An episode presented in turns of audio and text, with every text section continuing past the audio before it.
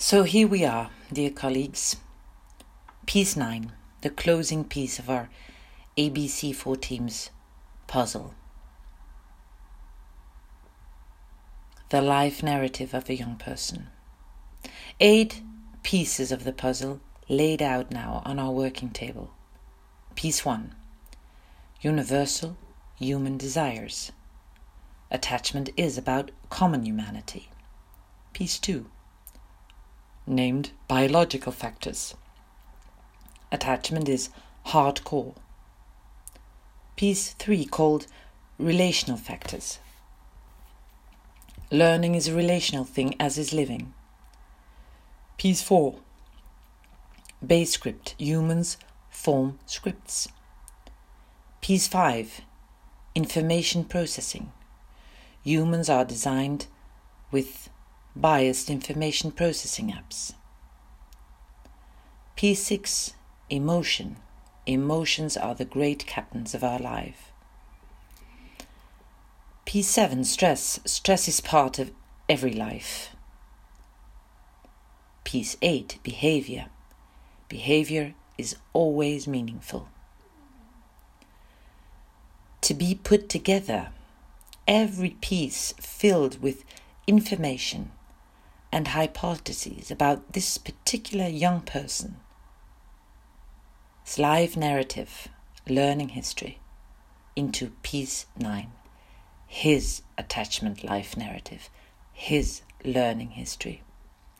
Eight pieces based on research, clinical evidence, and experience, now forming a puzzle that can start making sense of lived experiences and behavior to the young person and his carers.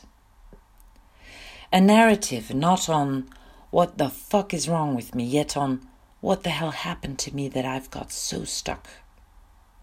A story using big attachment words because they are what happens, they are what matters to people. A narrative to be continued. This puzzle is our start, starting point of alliance building with young people and parents. This puzzle integrates every discipline's observations and assessments into a narrative to be made ready for a new chapter. For the young person, nothing is supposed to be entirely new in this puzzle. But putting the pieces together, receiving validation, the sense of a story fitting together will create a new experience for your young people. Based on the understandings and on attachment and learning we've now passed on to you, attachment based care for teams will want to recruit every one of you to use these understandings intentionally as a way to get young people's development back on track. In attachment based family therapy, relational repair is not the end goal. Nor is an ABC4 teams getting the attachment system back online our end goal. Our end goal is promoting young people's universal human needs connection, autonomy, competency.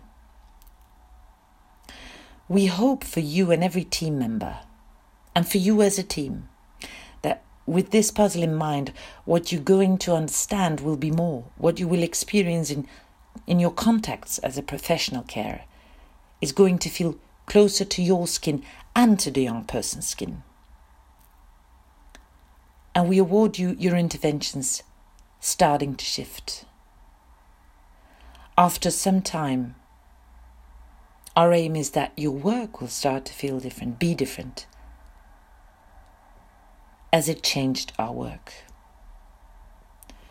We've come at the end of our day one ABC4T puzzle work. If you catch yourself thinking by now, I've heard nothing new all along, then we can only welcome you aboard of the ship you found yourself already on, and that's just great. If you are wondering how this will fit your line of work, with the frameworks you use or are trained in, that's okay. All of this is work in progress for you and the team you're part of.